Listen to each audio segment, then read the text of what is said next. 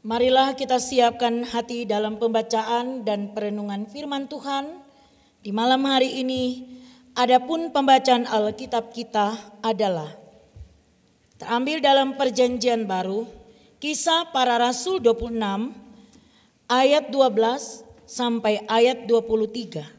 Dan yang akan menjadi tema perenungan kita adalah bangunlah dan berdirilah Aku menetapkan engkau sebagai pelayan dan saksi. Mari kita berdoa sebelum membaca dan merenungkannya. Kita berdoa. Inilah kami yang telah menyiapkan hati untuk membaca dan merenungkan firman-Mu Tuhan. Kami sadar dalam kesiapan hati kami ini Tuhan masih dipenuhi dengan kekurangan, masih dipenuhi dengan keterbatasan. Untuk itulah Tuhan, kami datang memohon kepadamu. Kiranya oleh kehendakmu, engkau mengurapi kami dengan roh kudusmu, mengisi cara berpikir kami dengan hikmatmu, dan mengantar kami untuk mempraktekkan firmanmu ini dalam kehidupan setiap hari. Berkatilah hambamu yang akan membacakan firman. Berkati juga hambamu yang akan mewartakan firmanmu Tuhan. Dan mampukan kami secara bersama-sama dengan jemaat untuk melakukan firman-Mu ini dalam kehidupan setiap hari. Berfirmanlah bagi kami Tuhan, ampuni dosa kami. Dalam nama Yesus kami sambut firman-Mu ini. Amin. Kisah para Rasul pasal 26 ayat 12 hingga ayatnya yang ke-23. Paulus menceritakan pertobatan dan panggilannya. Dan dalam keadaan demikian, ketika aku dengan kuasa penuh dan tugas dari imam-imam kepala sedang dalam perjalanan ke Damsik, tiba-tiba ya Raja Agripa, pada tengah hari bolong aku melihat di tengah jalan itu cahaya yang lebih terang daripada cahaya matahari turun dari langit meliputi aku dan teman-teman seperjalananku. Kami semua rebah ke tanah dan aku mendengar suatu suara yang mengatakan kepadaku dalam bahasa Ibrani, Saulus, Saulus, mengapa engkau menganiaya aku? Sukar bagimu menendang ke galarangsang. Tetapi aku menjawab, siapa engkau Tuhan? Kata Tuhan, akulah Yesus yang kau aniaya itu. Tetapi sekarang bangunlah dan berdirilah. Aku akan menampakkan diri kepadamu untuk menetapkan engkau menjadi pelayan dan saksi tentang segala sesuatu yang telah kau lihat daripadaku dan tentang apa yang akan kuperlihatkan kepadamu nanti.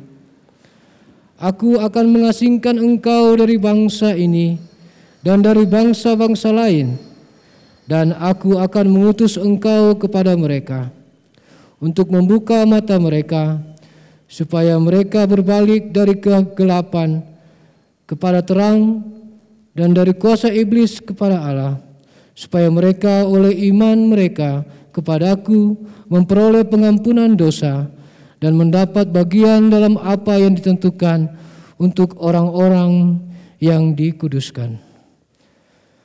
Sebab itu, ya Raja Agripa, kepada penglihatan yang dari sorga itu, tidak pernah aku tidak taat.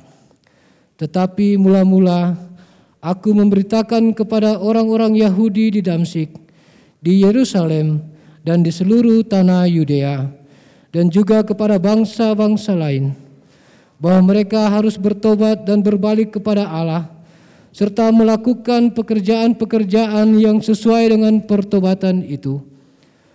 Karena itulah orang-orang Yahudi menangkap aku di bait Allah dan mencoba membunuh aku. Tetapi oleh pertolongan Allah, aku dapat hidup sampai sekarang ini dan memberi kesaksian kepada orang-orang kecil dan orang-orang besar. Dan apa yang kuberitakan itu tidak lain daripada yang sebelumnya telah diberitahukan oleh para nabi dan juga oleh Musa, yaitu bahwa Mesias harus menderita sengsara dan bahwa ia adalah yang pertama yang akan bangkit dari antara orang mati dan bahwa ia akan memberitakan terang kepada bangsa ini dan kepada bangsa-bangsa lain. Demikianlah firman Tuhan. Berbahagialah setiap kita yang mendengarkan dan juga melakukan firman Tuhan ini hari lepas hari. Amin. Shalom. Sekali lagi saya menyapa saudara-saudara Shalom. Saudara-saudaraku yang sangat dikasih dan diberkati oleh Tuhan kita Yesus Kristus yang tentunya juga saya percaya saudara-saudara mengasihi Tuhan Yesus di sepanjang kehidupan saudara-saudara. Malam hari ini kembali kita akan merenungkan firman Tuhan yang bertemakan bangunlah dan berdirilah aku menetapkan engkau sebagai pelayan dan saksi. Saudara-saudaraku yang dikasih dan diberkati oleh Tuhan kita Yesus Kristus, tentunya kalau kita memperhatikan tema kita ini, sebenarnya dia sedang berbicara tentang satu pribadi yang dahulunya dia adalah seorang penjahat, penganiaya, pembunuh pengikut Kristus. Tetapi karena perjumpaannya dengan Yesus ketika dia berangkat ke Damsik, dia diubahkan dengan perjumpaan yang sungguh luar biasa pada saat itu. Tentunya kita bertanya-tanya siapa pribadi ini?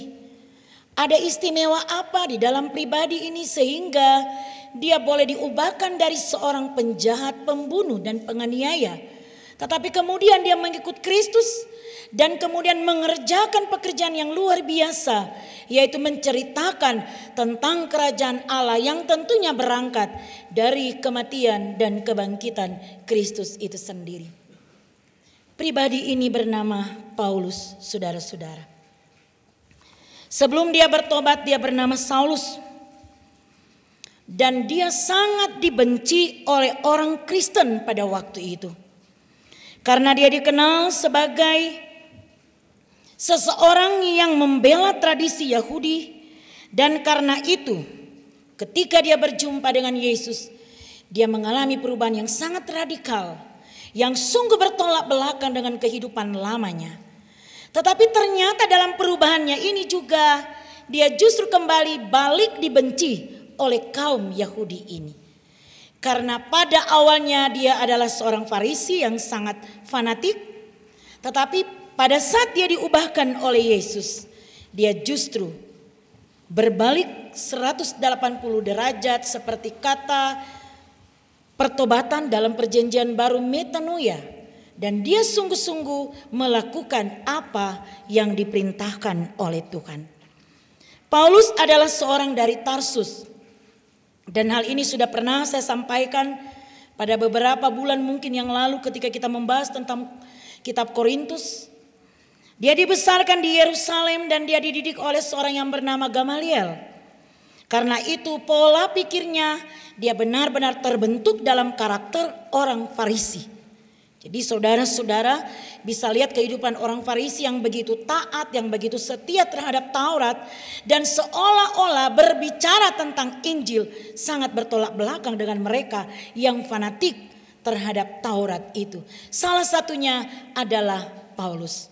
Nah saudara-saudaraku yang dikasih dan diberkati oleh Tuhan kita Yesus Kristus. Dalam pembacaan Alkitab kita di saat ini. Yaitu dalam kisah Rasul 26 ayat 12 sampai ayatnya yang ke-23. Di situ dikisahkan bagaimana Paulus menceritakan pertobatan dan panggilannya yang kemudian menjadi bagian dari pembelaan dirinya ketika dia dipenjarakan mulai dari masa gubernur Felix dan kemudian diserahkan kepada Festus dan pada saat dia diadili dalam dua pemimpin ini mereka tidak mendapatkan kesalahan. Dan Felix meng, memberikan Paulus kepada Festus untuk tetap ada dalam tahanan karena dia ini sudah dikejar-kejar oleh orang banyak. Dia dibenci dia ditakuti tetapi ada satu bagian yang sangat penting kita mau perhatikan di sini. Bagaimana tindakan Allah menolong Paulus ketika dia berada dalam situasi ini. Nah pada saat dia berhadapan dengan Agripa yang sebelumnya Gubernur Festus bilang begini kepada Raja Agripa. orang ini adalah tahanan lama. Sebenarnya dia punya rencana untuk membawa dia ke kaisar. Tetapi puji Tuhan pada saat itu sebelum rencana ini dilakukan tiba-tiba daerah ini dapat kunjungan dari seorang raja agung yang bernama Agripa. Agripa pada waktu itu adalah penguasa Yudea. Dia keturunan dari Raja Herodes Agung dan dia pada saat itu menjadi raja. Kita boleh lihat dalam Kisah Rasul pasal 12 ya. Di situ kita bisa baca keadaan ini. Dan pada saat Paulus diperhadapkan dengan Agripa, dia mulai menceritakan kepada Agripa, kenapa dia ada dalam penjara.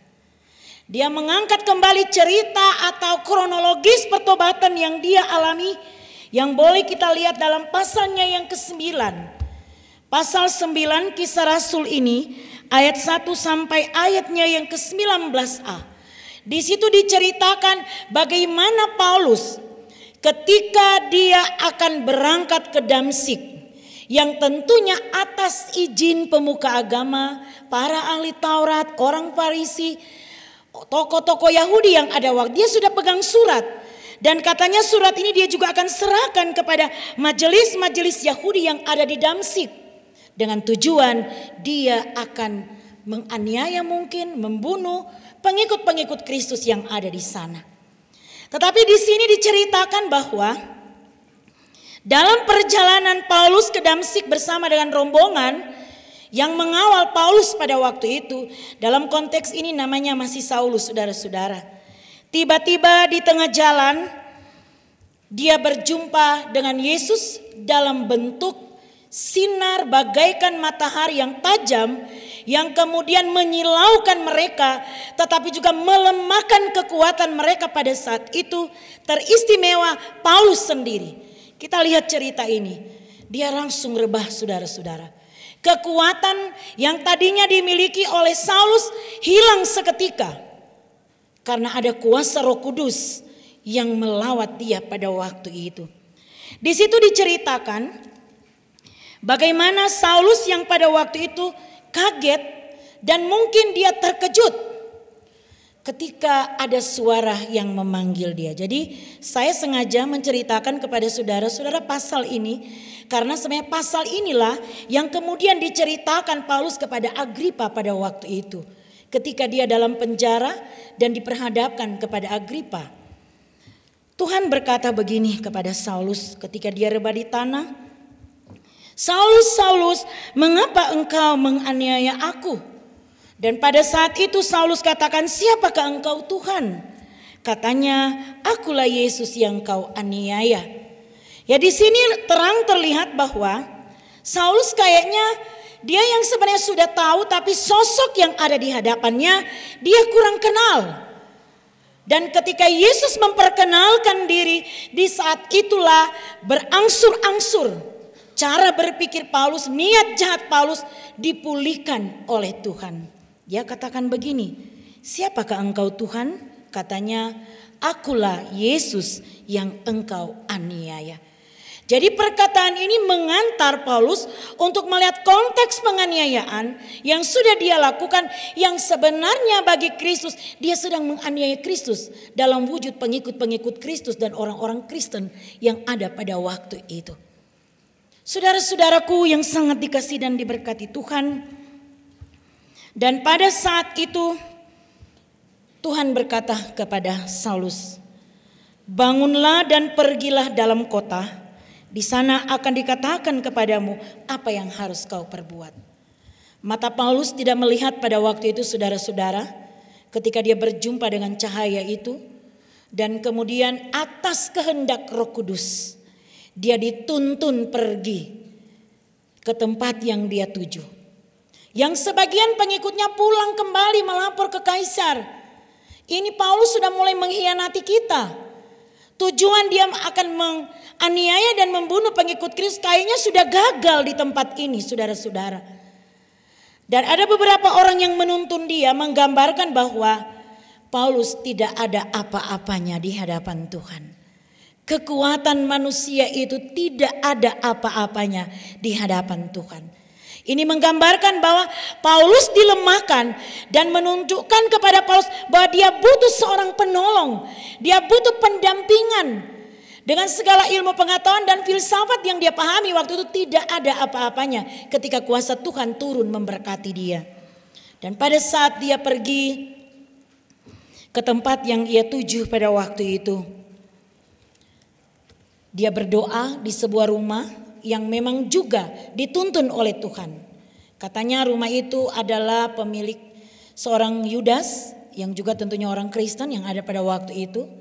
Dia sedang berdoa di sana dan dalam doanya dia sudah mendapat penglihatan ada seorang yang bernama Ananias yang akan datang menjumpai dia. Dan di waktu yang sama juga Yesus atau kuasa Tuhan menjumpai Ananias. Ini masih dalam pasal 9 saudara-saudara mengatakan kepada Ananias, Ananias, ada seorang yang bernama Saulus sekarang ini berada di rumah Yudas. Dan dia sudah mendapatkan penglihatan bahwa engkau akan datang dan menyembuhkan dia, memulihkan dia dari keadaan yang dialami waktu itu. Tetapi apa yang dikatakan Ananias saudara-saudara, Tuhan dia adalah orang jahat. Dia adalah pembunuh. Dia adalah yang selalu melakukan keonaran pada waktu itu. Dia penganiaya Tuhan.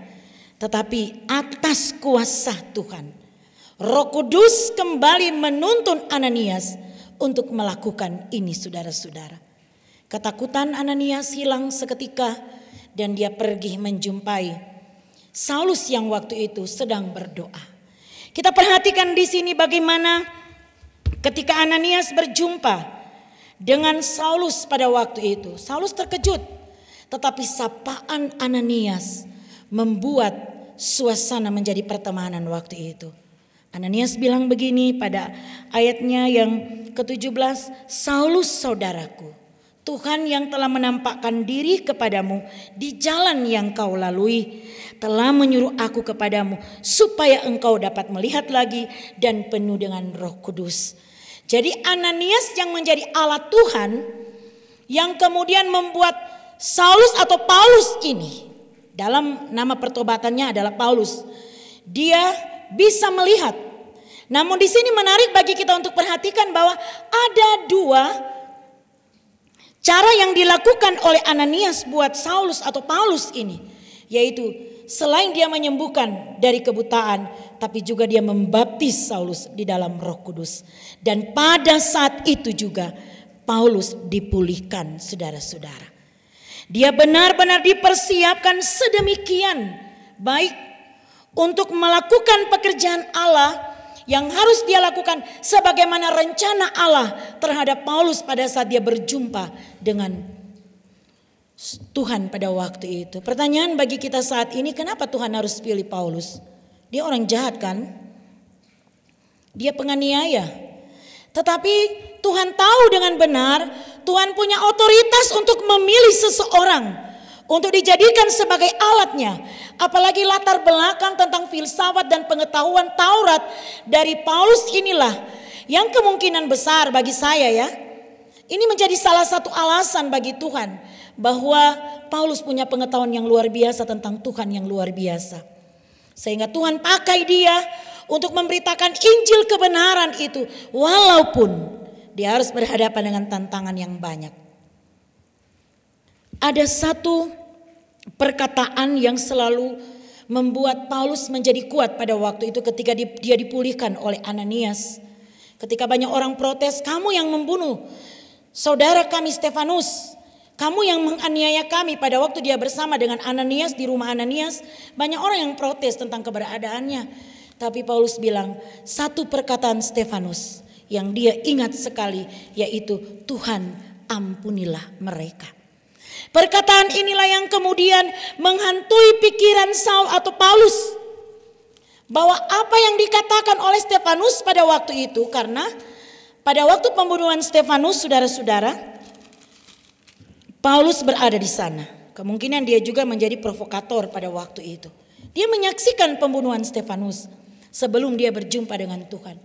Namun ada satu kalimat yang keluar dari Stefanus yang kemudian terus menghantui Paulus dan pada saat dia dipulihkan, dia benar-benar menyerahkan diri kepada Tuhan dan dia tidak tergoncang dengan kebencian, dengan hal-hal yang dilakukan oleh orang Yahudi pemuka agama waktu itu yang terus mengejar-mengejar Paulus karena dia kemungkinan besar dianggap pengkhianat ya. Dia sudah berbalik dari ajaran mereka. Dia ini sebenarnya tangan kanan kita. Tapi sekarang dia hidup di dalam Injil Kristus. Dan ini menjadi tantangan besar bagi Paulus. Hal inilah yang dia ceritakan kepada Agripa. Ceritanya begitu lengkap pada pasal 26 ayat 12 sampai ayat yang ke-23 dan yang penting juga kita perhatikan ketika dia menceritakan tentang pertobatannya tapi juga tentang panggilannya dan sebagai tantangan yang ada di depan katanya kepada Agripa. Dalam ayatnya yang ke-22 pasal 26 berkata begini. Tetapi oleh pertolongan Allah aku hidup, dapat hidup sampai sekarang. Dan memberi kesaksian kepada orang-orang kecil dan orang-orang besar.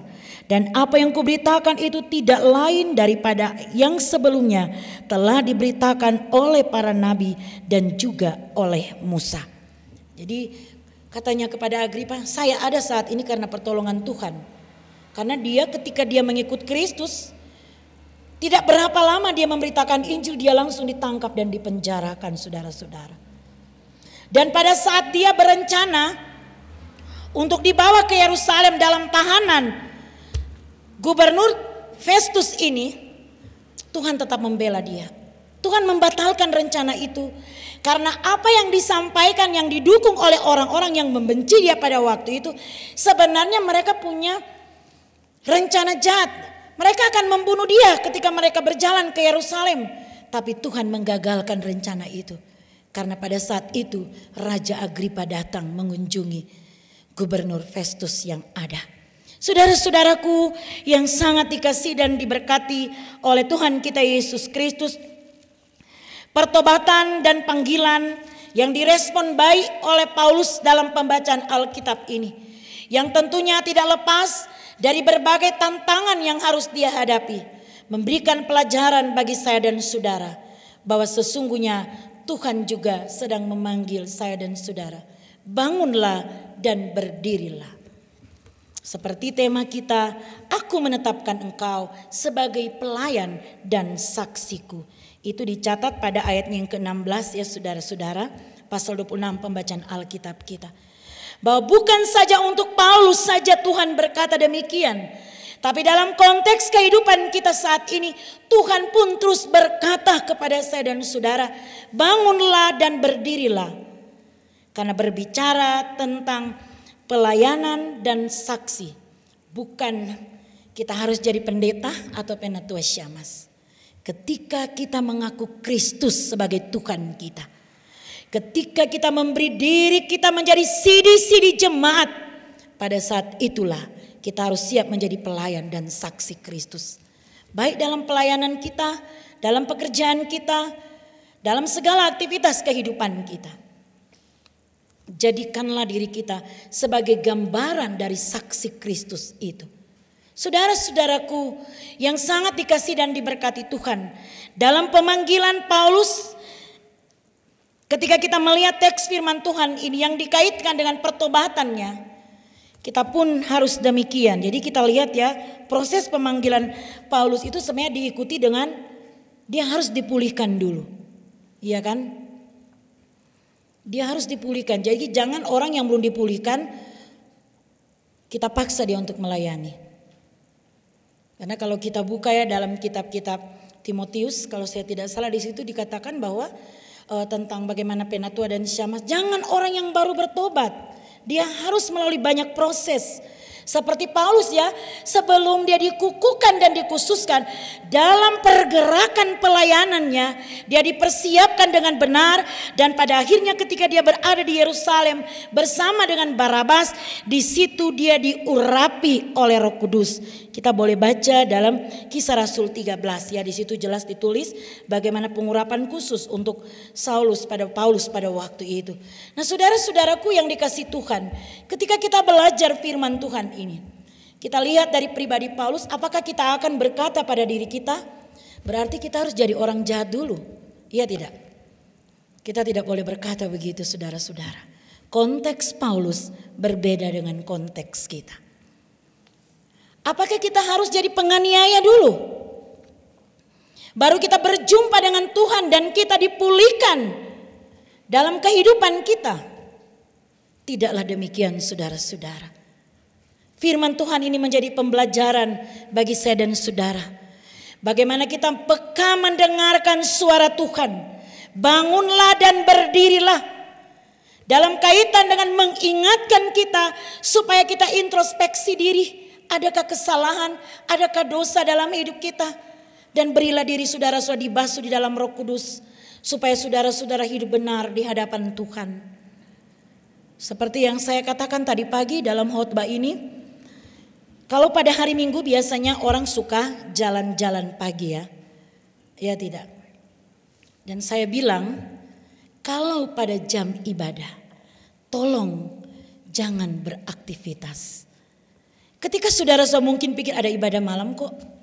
Tapi saya mau katakan tolong duduk diamlah di rumah di barak saudara-saudara. Walaupun saudara tidak menghidupkan radio, tidak menghidupkan YouTube saudara-saudara, FB saudara-saudara. Tapi jagalah kekudusan waktu Tuhan itu. Sesudah itu silakan saudara-saudara beraktivitas. Jadi kita jangan jadi seperti Paulus ya. Nanti Tuhan kasih buta baru dia sadar. Ya kan? Mungkin kita tidak demikian. Tuhan mungkin gak akan kasih buta saya dan saudara. Tapi mungkin Tuhan punya rencana lain untuk kita. Yang saat ini mungkin kita enjoy-enjoy saja. Padahal dikatakan hari Minggu adalah hari Tuhan. Bukan berarti kita mengabaikan hari lain saudara-saudara. Tapi saya katakan tadi pagi juga saya katakan bahwa jemaat kita mengistimewakan hari Kamis dan hari Minggu. Jadi ingat baik-baik. Hari Kamis, hari Minggu adalah hari ibadah untuk kita. Kita masih bersyukur, kita masih diberi kesempatan oleh Tuhan untuk melakukan ibadah saudara-saudara. Walaupun secara online. Kalau kita baca di dalam uh, ayat pendahuluan khutbah kita tadi ya.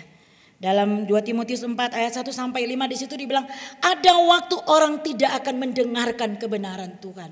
Jadi kita bersyukur kita masih punya waktu untuk mendengarkan kebenaran Tuhan. Tuhan masih memperdengarkan suaranya kepada saya dan saudara. Dan karena itu pekalah telinga saudara-saudara. Seperti Paulus dia peka. Walaupun dia harus bertanya kembali siapakah engkau Tuhan.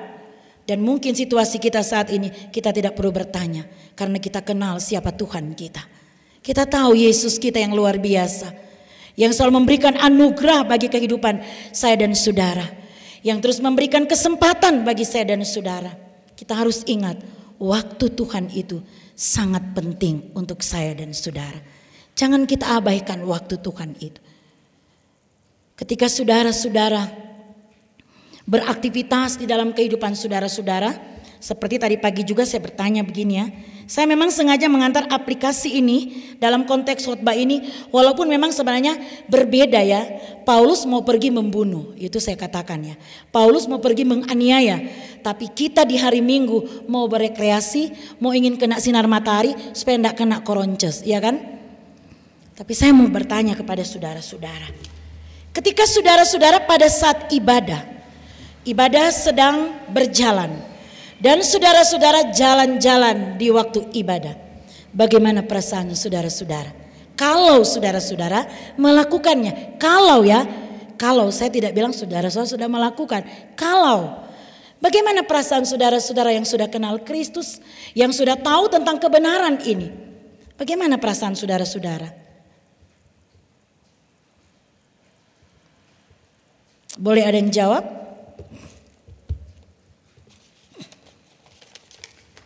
Ya pasti kalau saya, saya akan dibayangi dengan rasa, aduh kenapa ya, saya kok bisa nggak mengendalikan diri. Pasti ada ketakutan, ada keraguan. Saya bukan takut gedung gerejanya, saya takut Tuhan, saudara-saudara. Jangan kita seperti Paulus, saudara-saudara. Saya katakan tadi pagi, jangan tunggu Tuhan jewer telinga kita, Baru kita tahu ternyata ini hari ibadah. Tapi puji Tuhan malam ini jemaatnya banyak. Tadi pagi juga full saudara-saudara. Dan saya hanya mengingatkan saudara-saudara belajar dari pertobatan dan panggilan Paulus. Dia benar-benar peka dengan suara Tuhan. Ada respon baik yang dilakukan oleh Paulus pada waktu itu.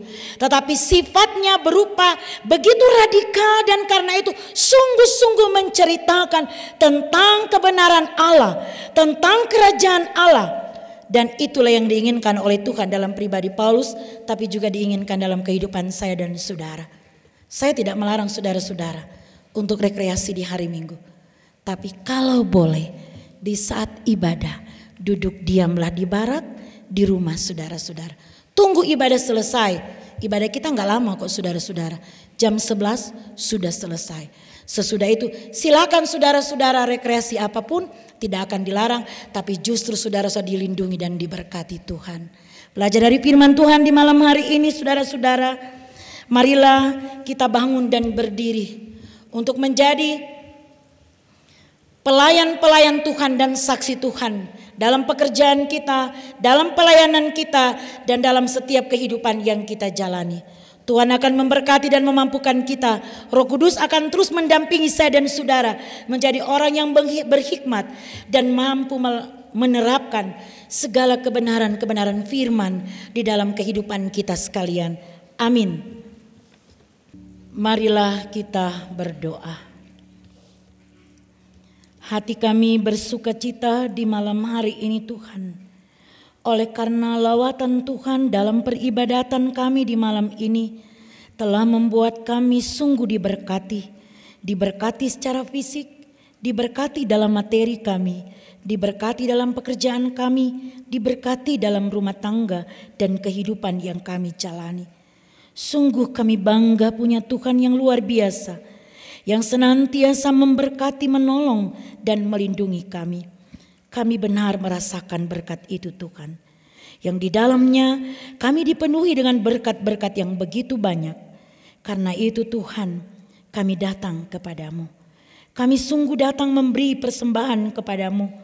Lewat kotak persembahan yang ada dalam gedung gerejamu. Tetapi juga ya Tuhan. Ada beberapa pribadi yang menyatakan ucapan syukur di dalam peribadatan ini. Ucapan syukur anak Rizky Adrian Sijabat atas ulang tahun yang ke-22 pada tanggal 29 Mei. Tuhan berkatilah anak Rizky ini. Berkatilah masa mudanya, masa pendidikannya, masa pergaulannya. Karuniakan terus kesehatan, hikmatmu Tuhan dan lindungilah selalu. Begitu juga ya Tuhan dengan ucapan syukur dari Geutri yang bersyukur atas kasih dan berkat Tuhan. Engkau kiranya memberkatinya secara pribadi tapi juga segala kehidupan yang dijalani. Kekuatan dan kesehatan serta hikmatmu Tuhan kiranya juga diberikan. Ada perpuluhan yang dinyatakan di malam hari ini. Saudara Roberto seorang bapak dan satu pribadi yang tidak menyebutkan nama. Tuhan memberkati persepuluhan ini yang adalah bagianmu Tuhan. Berkatilah juga mereka yang sudah memberikannya. Apa pun yang mereka lakukan, yang diusahakan, yang dikerjakan di dalam kuasamu Tuhan, Engkau memberkatinya. Terimalah seluruh kehidupan kami ini Tuhan. Kami benar memberi dengan segenap hati Kuduskan dan sucikan pemberian kami, dan biarlah apa yang kami nyatakan malam ini menjadi berkenan di hadapan Tuhan bersama dengan kehidupan kami sekalian. Yang kami jadikan sebagai persembahan yang hidup, dan biarlah Tuhan memberkati dan menyempurnakannya. Terima kasih Tuhan, kami percaya Tuhan menerima persembahan kami ini. Dan hamba pun membawa kehidupan jemaatmu ke dalam tanganmu Tuhan memberkati setiap kami yang beribadah di malam hari ini. Tuhan mendengarkan setiap doa-doa pribadi yang disampaikan oleh jemaatmu. Biarlah oleh kehendakmu Tuhan, Engkau menjawab setiap doa-doa yang disampaikan oleh jemaatmu di malam ini. Pada saat mereka ada dalam pergumulan, Tuhan lepaskan mereka dari pergumulan mereka. Pada saat mereka sedang bersuka cita, sempurnakanlah sukacita mereka. Pada saat mereka membawa pekerjaan mereka kepadamu Tuhan berkatilah kerja mereka. Berkatilah juga rumah tangga, suami, istri, dan anak-anak. Kiranya segala sesuatu yang jemaatmu ini lakukan Tuhan, engkau memberkatinya. Dalam doa kami di malam ini Tuhan, kami bergumul bersama dengan Ibu Susiari. Oleh kehendakmu Tuhan, Engkau telah memanggil pulang almarhumah Ibu Kalima, orang tua dari Ibu Susiari, mertua dari Bapak Ariston Andea. Tuhan, berikanlah penghiburan dan kekuatan untuk keluarga yang berduka cita ini. Seperti juga keluarga Bapak Franky Kainde yang berduka oleh karena kehendakmu juga Tuhan. Engkau memanggil orang tua kekasih dari Bapak Franky, almarhum Martinus Kainde. Tuhan, kuatkanlah kedua keluarga kami ini. Berilah mereka penghiburan yang sejati. Turunkan roh penolongmu bagi mereka Tuhan. Roh penghiburmu. Supaya mereka tetap kuat dan percaya bahwa di dalam nama Yesus mereka tidak akan dibiarkan. Tetapi akan terus ada kekuatan dan penghiburan yang berasal dari Tuhan. Kami berdoa bersama dengan saudara kekasih Jagora Sihaloho. Saudara kekasih ini adalah keluarga dari Bapak Penatua si Jabat. Sedang dalam persiapan untuk menjalani operasi pada esok hari di Rumah Sakit Siloam Medan. Tuhan, jauh sekali jarak kami dengan saudara Jagora ini. Tapi kami percaya dia dekat dengan kuasa dan mujizatmu. Lawatlah saudara Jagora Sialoho ini Tuhan.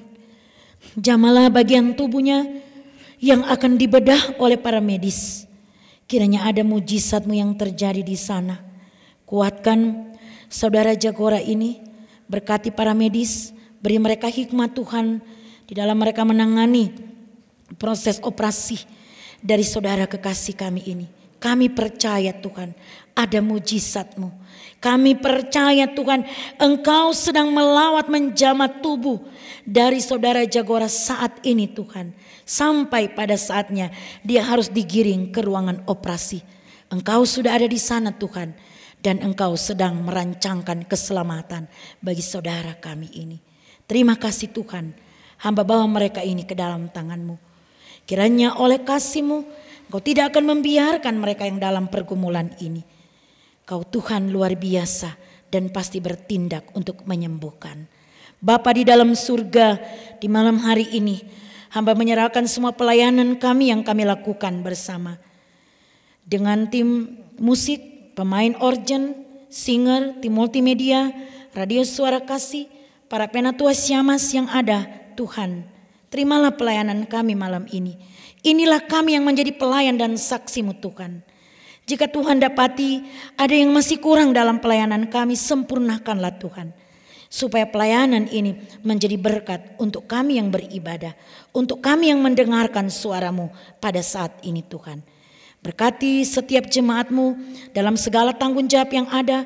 Perusahaan di mana gerejamu ini berdiri Tuhan terus berkati.